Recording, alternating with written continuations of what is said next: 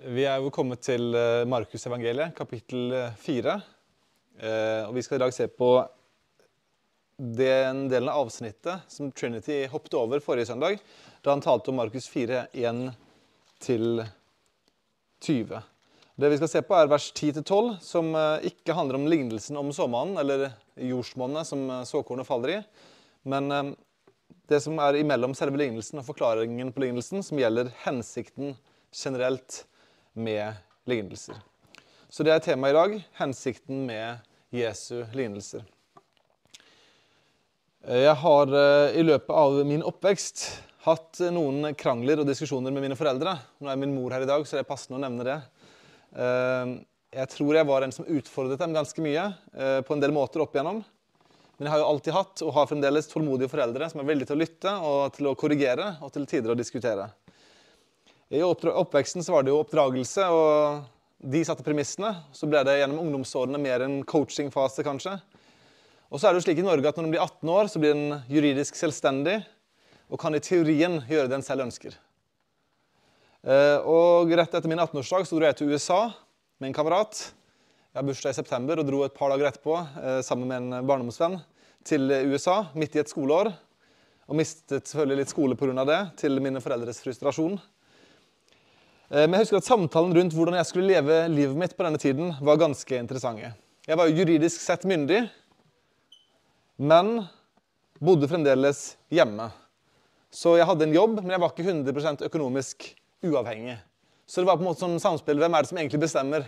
Er det jeg, som nå er myndig, juridisk sett, eller er det foreldrene mine som betaler for maten og senga jeg sover i? Så en del samtaler om livsvalg hvor jeg ville gjøre hva jeg ville, for jeg var myndig, hvor mine foreldre også gjerne ville ha noe de ville sagt fordi jeg bodde hjemme. Og det var jo for så vidt helt rimelig, selv om ikke jeg forsto det så godt på denne tiden. Og Jeg husker at en av disse diskusjonene med min far, hvor jeg skulle gjøre noe som han ikke likte, så snakket jeg med han på telefonen. Og denne gangen, for første gang i mitt liv, opplevde jeg at min far la på i samtalen. Det høres ikke så dramatisk ut kanskje for dere, men jeg hadde gjort noe som gjorde han både skuffa og sint, og så la han på. Han brøyt samtalen. Og det har aldri skjedd før, og det har aldri skjedd siden. At min egen far legger på. Tenk hvor frekt, hæ? Vel fortjent var det nok, sannsynligvis. Men jeg husker fremdeles følelsen. Og jeg husker etterpå at jeg mye heller ville ha kjeft. Kjeft litt på meg, og så la oss avslutte samtalen, enn at stillheten bare inntreffer, at samtalen blir brutt. Og Jeg tenkte litt på det i forbindelse med forberedelse av dagens tale. Det er en eh, link her til lignelser. At kanskje den verste form for relasjonell straff er stillhet. Når personen i en relasjon stenger ned kommunikasjonen, slik at en relasjonelt sett føler seg distansert fra den en ønsker å være nær med. Og jeg tenkte bare på denne lille hendelsen som kanskje ikke var så dramatisk i den store sammenhengen, men det gjorde et inntrykk, for det var så sjelden at det skjedde. Det har kun skjedd én gang. At min far i skuffelse og frustrasjon bare legger på. Jeg er ferdig med denne samtalen. Du får klare deg på egen hånd. Og Det er en liten sammenligning til det som skjer mellom Jesus og folkemengdene når vi kommer til Markusevangeliet kapittel 4.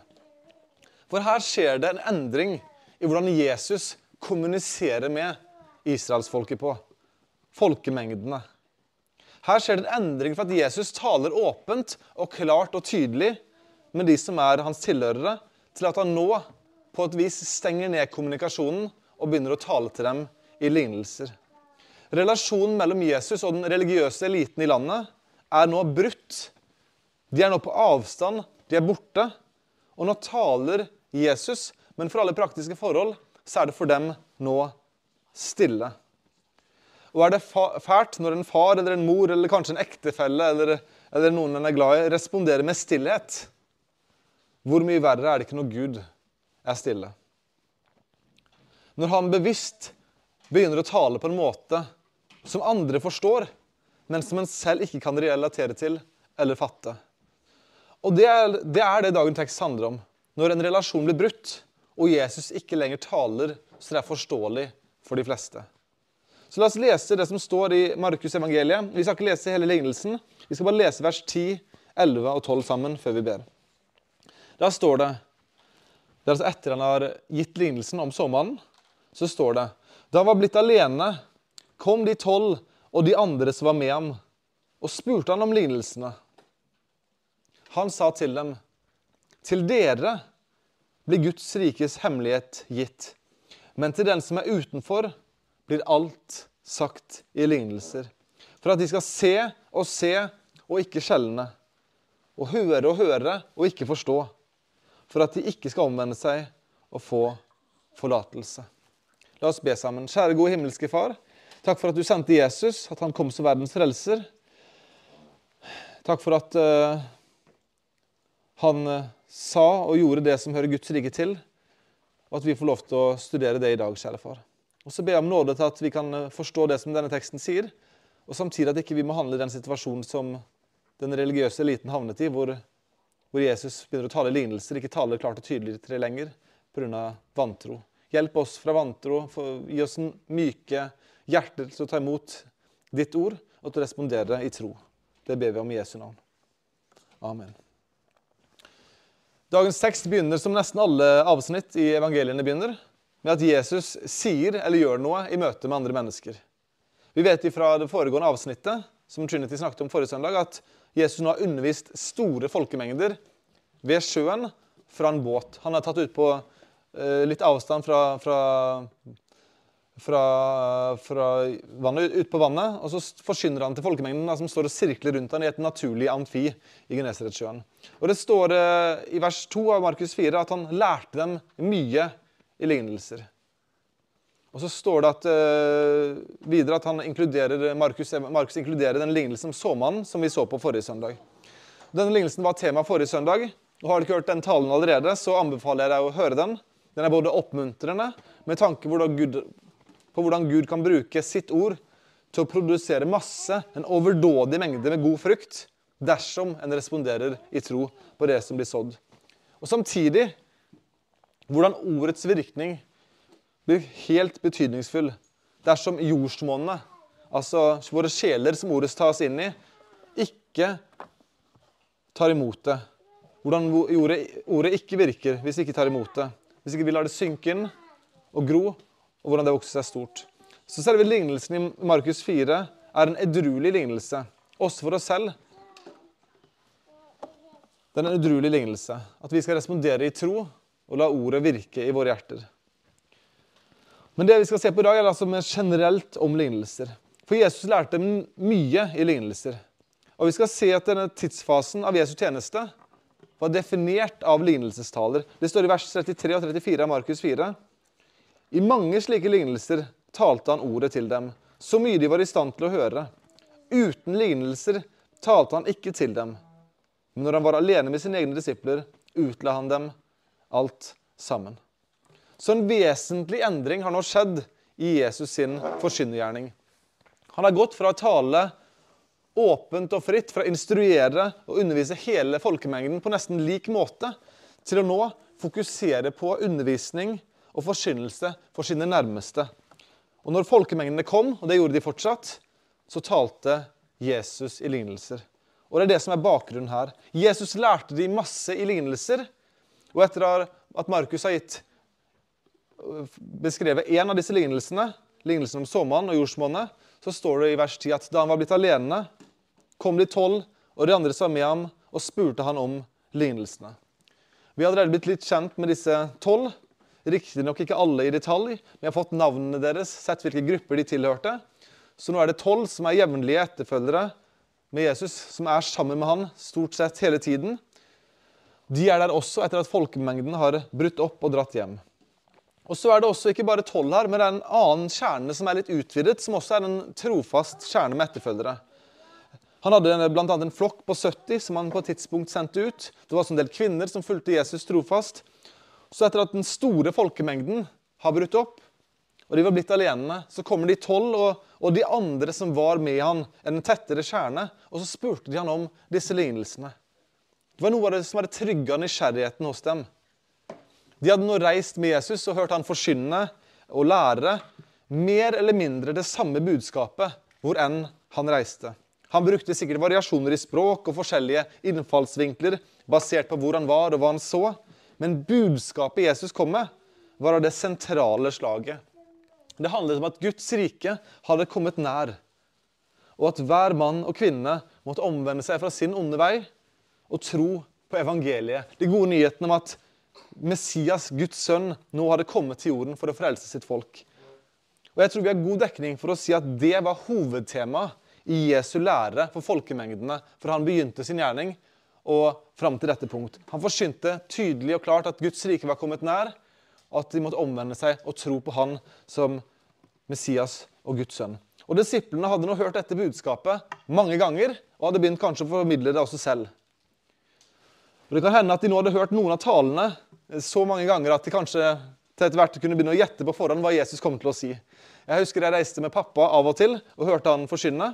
Og siden han reiste som evangelist og forkynner fra sted til sted, så var det ofte eh, Han brukte de samme illustrasjonene eller historiene på forskjellige steder.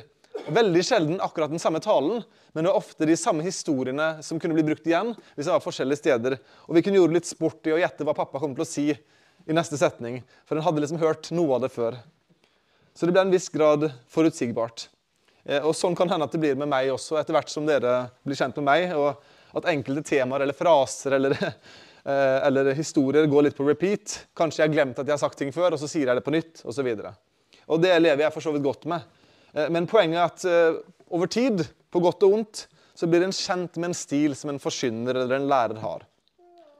Og Jesu disipler var nok erfaringsmessig etter hvert kommet dit med Jesus sin stil. De kjente hva budskapet var, og hvordan han formidlet. Men nå, og ganske plutselig, i deres oppfatning, hadde noe endra seg. For å tale klart, tydelig og logisk ganske enkelt til folkemengdene, så talte nå Jesus i lignelser. Det var fremdeles lære i lignelsene, og det underliggende budskapet var ofte det samme som før, men sannheten var på en måte gjemt litt mer vekk i lignelsene. Og så spør disiplene hvorfor. Hva er det som har skjedd, Jesus? Er dette en ny strategi? Skal vi begynne å gjøre dette også? Har du hørt en annen taler gjøre det samme, og derfor har du kopiert det? Kanskje de tenkte mange forskjellige ting. Hva er det som skjer, Jesus? Og de kommer til Jesus med spørsmålet Hvorfor taler du nå i lignelser? De kom, kom sammen med han og spurte han om lignelsene. Og det fører oss inn til hensikten med lignelsene. Vi har sett disiplenes spørsmål. Hva er Jesus' svar? Hvorfor har Jesus nå skiftet til å tale til dem i lignelser?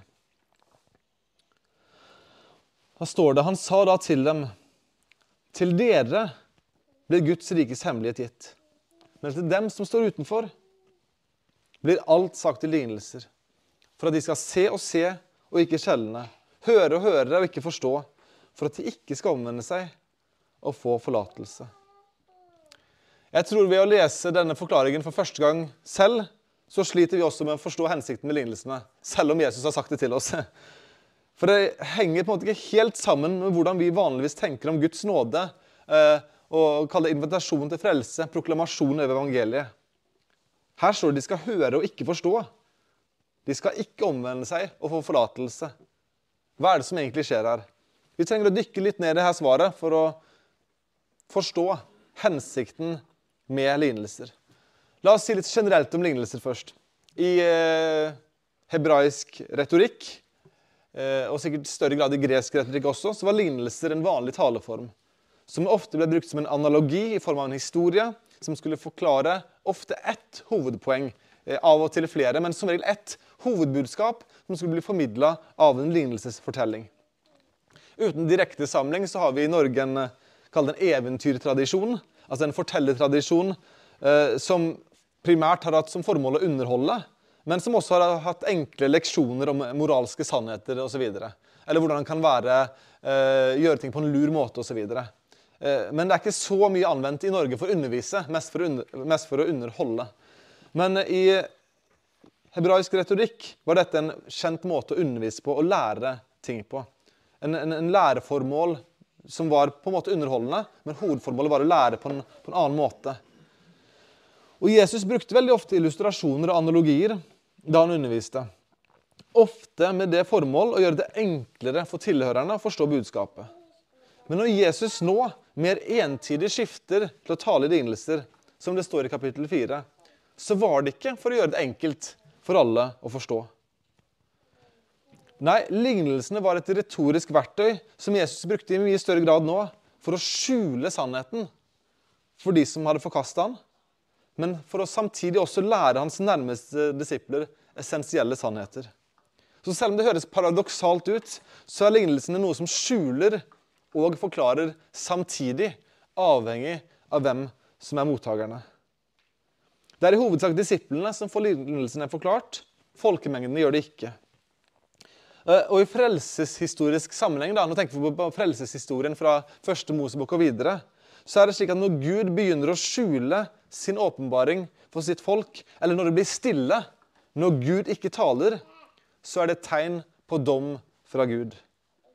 Og Markus henviser, sånn som Matteus gjør om det samme avsnittet, tydelig til Jesaja, kapittel 6, vers 8-10, som er et veldig kjent kapittel i Bibelen av, av, flere grunner. Men relevansen til dette avsnittet i Markus er det vi skal se på nå. For det, for det står i Jesaja 6, 8-10 at Jesaja sier Da hørte jeg Herrens røst. Hvem skal jeg sende, og hvem vil gå for oss? Da sa jeg, Se, her er jeg, send meg. Og han sa, Gå av sted og si til dette folket, hør og hør, men forstå ikke.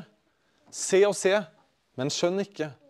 Gjør hjertet sløvt til dette folket, gjør ørene tunghørte, og klin øynene til, for at de ikke skal se med øynene og høre med ørene, og slik at hjertet ikke skal forstå og omvende seg, så det kan bli lekt. Her blir eh, profeten Jesaja kalt til sin profetgjerning. Og etter å ha skuet den tre ganger hellige Gud på sin opphøyde trone, så er profeten mer enn villig til å gå og profetere for Gud og gjøre hans gjerning. Han skal gå, men så blir han advart om hva slags tjeneste han kommer til å få. Han skal be dem høre, forstå og se. Men de kommer stort sett ikke til å gjøre det. De kommer ikke til å høre. De kommer til å fysisk høre, men de kommer ikke til å forstå det. De kommer ikke til å se det klart. Og de kommer ikke til å omvende seg, så de blir leget. En liten rest for øvrig, står det i Jesaja 6. En liten stubb som står igjen av folket, kommer til å komme til tro. Så det vil ha en effekt, men den store effekten kommer til å være at folk kommer til å avvise det. Og Her beveger vi oss selvsagt inn på et område som berører Guds suverenitet og, og menneskets ansvar til å respondere. Og Jeg skal ikke gå mye inn på det. Men som både hele profeten Jesaja samt alle evangeliene sier klart og tydelig, så stilles folket helt klart ansvarlig for å respondere på det budskapet Gud kommer med gjennom sine profeter, apostler og gjennom Jesus.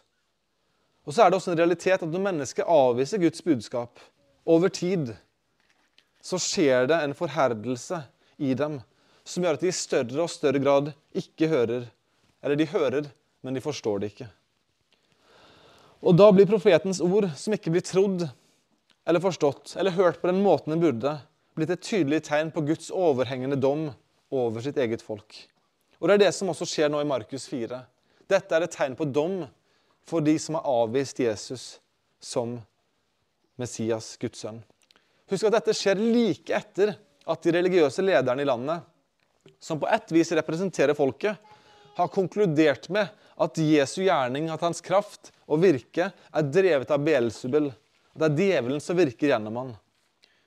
Flere av dem sto i fare for å gjøre det som kalles den utilgivelige synd, hvor en under Den hellige ånds åpenbaring av Jesus som Messias, Guds sønn, bevisst velger vantroens vei for å beskytte sin egen posisjon og sin egen synd.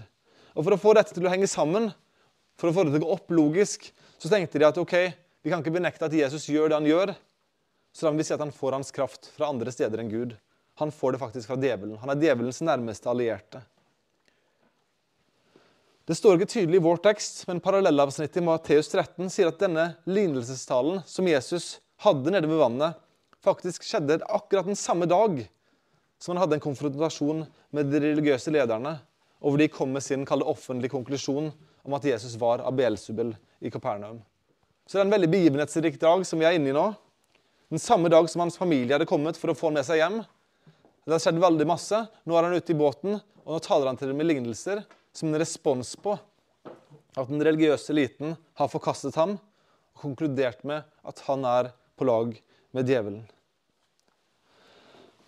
Så det at Jesus skiftet å tale mer i lignelser, var et tydelig uttrykk for dom over de som hadde avvist han, og konkludert med at han var av djevelen og ikke av Gud.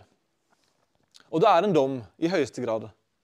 Men en kan si at det er en nådig form for dom.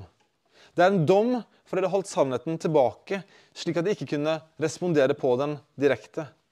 Men det var en nådig dom, for det gjorde også slik at de som allerede hadde forkastet Jesus, ikke ville være ansvarlig for å forkaste enda mer kunnskap de hadde innsyn i, slik at deres endelige dom skulle bli enda hardere. Så det er et skille som skjer. Jeg kan huske Da jeg så opp min forrige stilling hos min tidligere arbeidsgiver, at da jeg hadde sendt inn oppsigelsen, så skjedde det et ganske markant skille i informasjonsflyten jeg fikk en del av. Jeg hadde vært en del av den utvidede ledergruppen og hadde følgelig tilgang til en del eh, essensiell, og sensitiv og strategisk informasjon. Jeg var på en måte inn, eh, på innsiden eh, i det gode selskap når det gjaldt informasjonsflyt. Men idet jeg sa opp, da jeg var i oppsigelsestiden, så ble privilegiene av å være i min stilling fjernet fordi jeg var på utgående kontrakt. Og det er selvfølgelig helt naturlig i en sånn situasjon. De ønsker ikke å utruste en av sine fremtidige konkurrenter. Men jeg husker at det var rart å være samme sted og ha samme formelle stilling. En er fysisk på innsiden, men samtidig få følelsen av å være på utsiden fordi den blir kuttet ut fra en del eh, essensiell informasjonsflyt som en tidligere hadde vært en del av. En opplevde en veldig stor forskjell. Nå hang en ikke lenger med på hva som skjedde. Eh, og, og, uten direkte sammenligning igjen, så er det dette den religiøse eliten nå opplever. De hadde forstått innholdet i Jesu taler inntil nå. Men nå var de som bevisst hadde forkastet Jesus, på en måte plassert på utsiden. Vel, de var fysisk på samme plass, men nå var det blitt skjult for dem hva Jesus egentlig sa. Det var et dekke over det som ikke de kunne se gjennom. Det som hadde vært tydelig, var nå skjult. De hadde gått fra å ha til, full tilgang på budskapet til å ikke lenger forstå hva Jesus egentlig mente. En del av Guds dom, men som nevnt en nådig dom. Eh, en britisk teolog som heter Alfred Plummer, som levde på begynnelsen av 1900-tallet, skriver følgende om dette stedet. Denne dommen er en barmhjertig dom. Lignelsen som den kaldhjertede folkemengden hører uten å forstå, husker de pga. dens gjennomtrengende og imponerende form. Så de kommer til å huske det. Og når deres hjerter blir i stand til å motta dens mening, vil meningen bli klar for dem. Og i mellomtiden er de unntatt fra synden av å fornekte sannhetens klare ord. Så lignelsens åndelige budskap ligger på en måte dekket til. Men folkemengdene ville huske illustrasjonene. Jesus brukte ofte gode, hverdagslige illustrasjoner som var lette å forstå og relatere til. Men mange ville først forstå den åndelige realiteten på et senere tidspunkt, når lignelsens budskap hadde fått sunket inn, hvis en da responderte i tro. Mange ville også forherde seg, bevisst avvise Jesus til lære, og for dem ville lignelsens åndelige budskap bli et mysterium. De ville ikke forstå det, og de ville da på et vis heller ikke være ansvarlige for å ha forkastet uh, tydelig og klar lære. Så dette var en måte å utføre dom på, men en nådig form for dom. Og så er det noen ganger seinere i Jesu tjeneste at han bruker lignelser direkte for å konfrontere sine religiøse motstandere. Og da ville de forstå dem. Men det kommer ikke før, før seinere. Så fra Markus 4 og utover så er altså Jesu bruk av lignelser et uttrykk for dom over de som hadde forkastet ham. Og så er det fremdeles et verktøy for læring for Jesu disipler, som Jesus da forklarer lignelsen for. Så sier Jesus til dem, altså disiplene og hans øvrige nærmeste etterfødere, til dere blir Guds rikes hemmelighet gitt.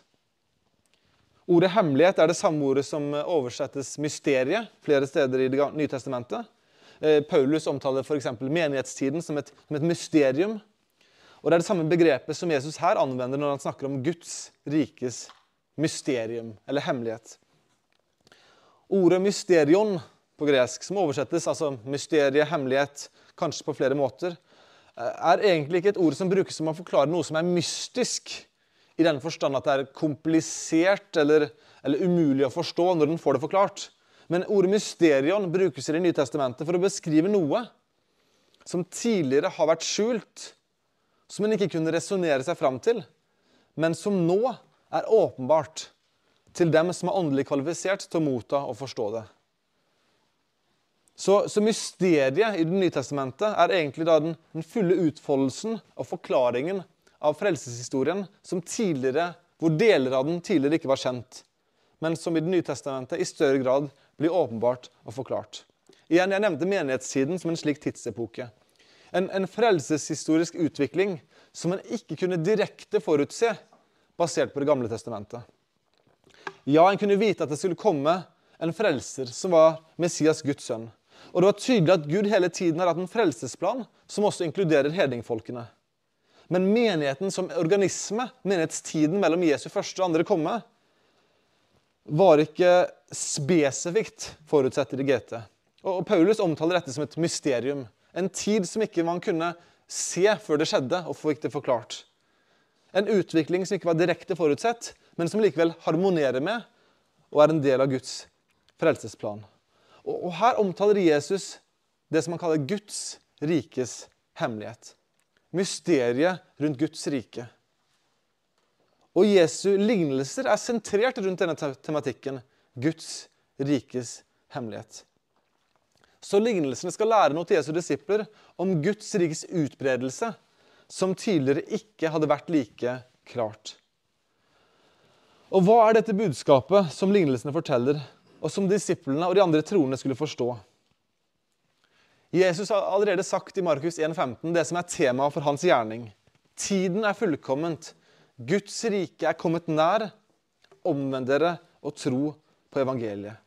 Deretter har Jesus gått rundt og kalt disipler, og kallet hørtes slik ut. Følg meg. Så Jesus har annonsert Guds rikes nærhet i forbindelse med sin personlige tilstedeværelse og tydelig sagt at inntreden til dette riket er relatert til å være en etterfølger av han. Og så vet vi at Lignelsene i Markus 4, f.eks., om det er et såkorn eller sennepsfrø eh, eller et lys som skal skinne osv., eh, er noe som har noe lite som har evne til å vokse og bli stort eller synliggjort. Det er på en måte en gjennomgående tråd, selv om lignelsen har forskjellige innfallsvinkler. Så såkornet, da, eller sennepsfrøet, som er ganske små og kalles stusslige ting, kan vokse og gi en enorm avkastning. Det lille en putter i jorda, og som dør, kan gi en stor og velsignet høst. Noe lite og enkelt kan bli til noe stort. Det er på en måte en gjennomgangstone. Og det er på en måte essensen da, i åpenbaringen av Guds rike mysterium om lignelsene, som lignelsen i Markus 4 gir. Den er følgende essensen, kjernen i Guds rike, mysteriet om Guds rike, finnes i personen Jesus Kristus. Hva han sier, og hva han gjør. Og disiplenes tro, som var gitt den som en permanent gave fra Gud, kvalifiserte disiplene til å forstå at den ydmyke og lavt ansette Jesus fra Nasaret utgjør essensen av Guds rikes utbredelse. Det er ordet om Han som kan gi hundrefolds avkastning. Det er budskapet om Jesus, hva han er, hvem han er, hva han har gjort og hva han gjør, som skaper enorm vekst og den sanne utbredelsen av Guds rike. Så det er Guds rikes hemmelighet, mysterium. Det gamle testamentet taler klart og tydelig om en konge som skal komme og regjere. Det gamle testamentet taler også klart og tydelig om Herrens lidende tjener, som skulle dø som stedfortredende offer for sitt folks, for sitt folks synd. Eh, så, så, så, det er klart begge dimensjonene av Jesu frelsesgjerning, eh, og, og flere dimensjoner også, er tydelig presentert i Det gamle testamentet. Men nøyaktig hvordan det skulle skje, og kronologien i det, var et mysterium. Profeten Zakaria hinter om to kommer av Messias. Han kommer på forskjellige måter. En gang som ydmyk tjener, en gang som, som regent og proklamerende konge.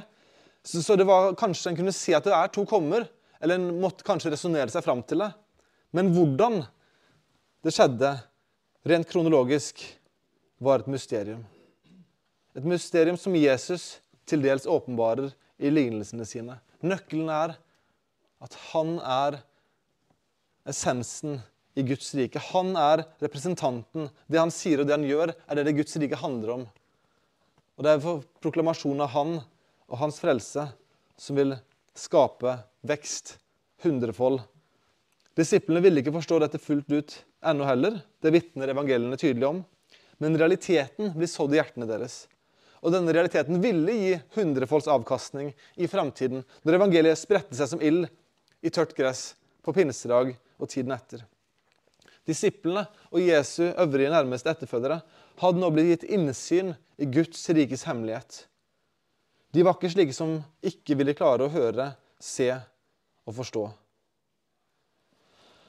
Men Jesus sier også til dem som er utenfor, blir alt sagt i lignelser. For at de skal se og se og ikke skjelne, høre og høre og ikke forstå. For at de ikke skal omvende seg og få forlatelse. Dette var en del av den indirekte dom som rammet dem som bevisst valgte løgnen framfor sannheten, når de tydelig ble presentert med personen Jesus Kristus. Og En del av denne dommen var at de skulle se Jesus, men de ville ikke klare å skjelne å høre eller forstå realitetene. Og igjen, Det er ikke det at de ønsker å se og forstå, men at Jesus nekter dem det. Det er det at de, de har blitt forherdet i sin egen bevisste avvisning, avvisning av Jesus. Og Derfor er de nå ikke lenger til å forstå budskapet pga. sin vantro. For noen av dem ville kanskje lyset gå opp seinere, når de reflekterte over lignelsene. Dersom de ydmykte seg og søkte Gud, så ville de få lys til å se. Men enn så lenge, når de holdt fast på sin vantro, så ville de heller ikke evne å forstå. Så vi må ikke forstå disse versene som at Jesu nåde ikke lenger var kallet tilgjengelig for disse som ikke forsto det med første, første, mulighet, og at Jesus ikke lenger ønsket at disse menneskene skulle komme til sannhetserkjennelse. Gud har ikke glede i den ugudeliges død. Det står i 2. Peter 3,9.: Herren vil ikke at noen skal gå fortapt, men at alle skal komme til omvendelse. Så når vi da leser de siste ordene i vers 12 av Markus 4, for at de ikke skal omvende seg og forlatelse, så betyr ikke dette at Jesus nå har glede i at dette skjer. Tilgivelse ville vært tilgjengelig for dem dersom de omvendte seg og trodde evangeliet om Jesus som Messias, Guds sønn. Så, så, ordet 'for', som er på en måte forklaringen hvorfor lignelsen blir gitt For at ikke de skal omvende seg og forlatelse, betyr ikke at dette er den ønskede responsen fra Jesus sin side, men det er den forventede responsen basert på deres vantro.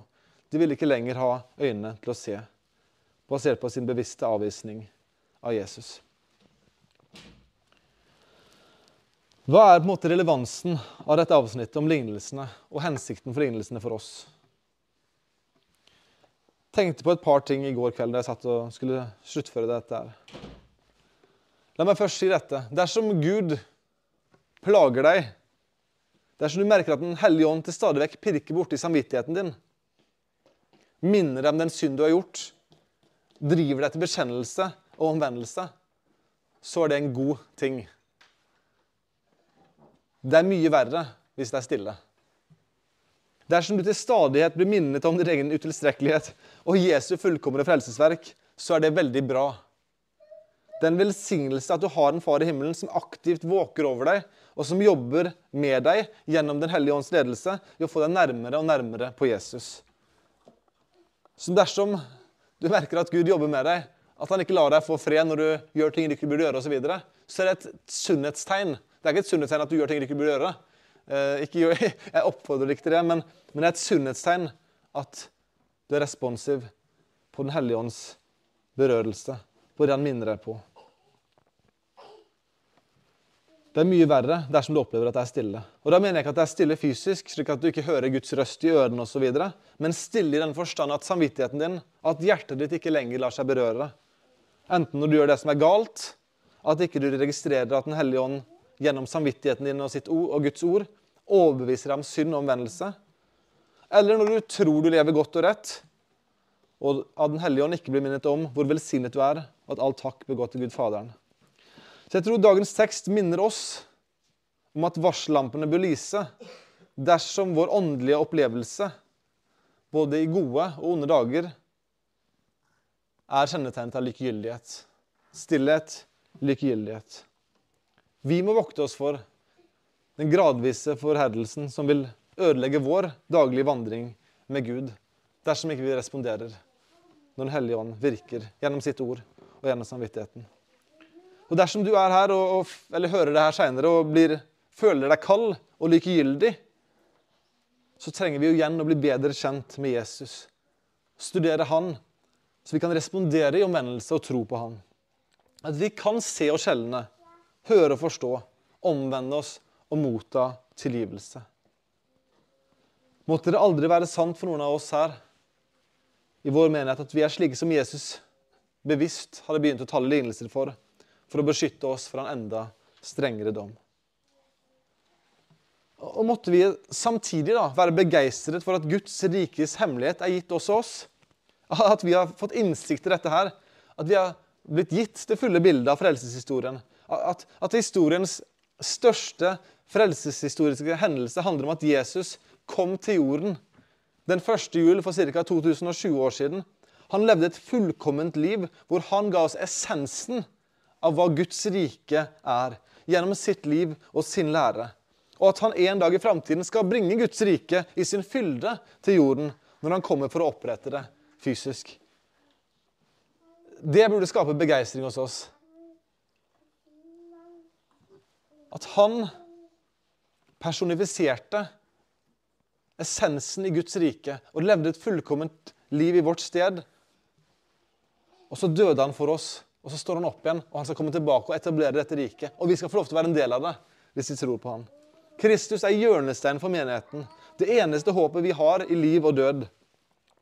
Og den beste kuren mot gradvis forherdelse er å lese Bibelen og la seg begeistre for Jesus, både i hjemmene, men også når vi er sammen i menigheten. Og, og er du en av de da som som kjenner deg kald eller uberørt av evangeliet om Jesus, så kan det endre seg i dag. Hvis en erkjenner at en er en synder som har brutt Guds lov, og du samtidig erkjenner at Jesus er fullkommen frelser. Han døde for mine synder. Han sto opp igjen fra de døde. Han kommer en dag tilbake for å dømme levende og døde. Ja, da kan en vende seg vekk fra den veien han har gått på, og bli en etterfølger av Jesus, en disippel av Jesus i dag. Og Det står i Romerne 10 at hver av den som påkaller Herrens navn, skal bli frelst. Et løfte ligger sant i dag, som da Paulus skrev det. Så la adventstida og jula være en tid hvor vi lar oss begeistre av Jesus. Han som var essensen av hva Guds rike handler om. Han formidla Guds rikes hemmelighet til disiplene, og vi får lov til å studere det nå, lære om det, og vi kan leve i forventning om å være en del av den åndelige realiteten som er Guds rike, og samtidig se fram til fullbyrdelsen av det i fremtiden. La oss, begeistre, la oss begeistre for Jesus. La oss begeistre av Jesus. God himmelske Far, jeg takker deg for, for, ditt ord til oss. Og Jeg ber om beskyttelse fra å bli likegyldig, fra, fra å bli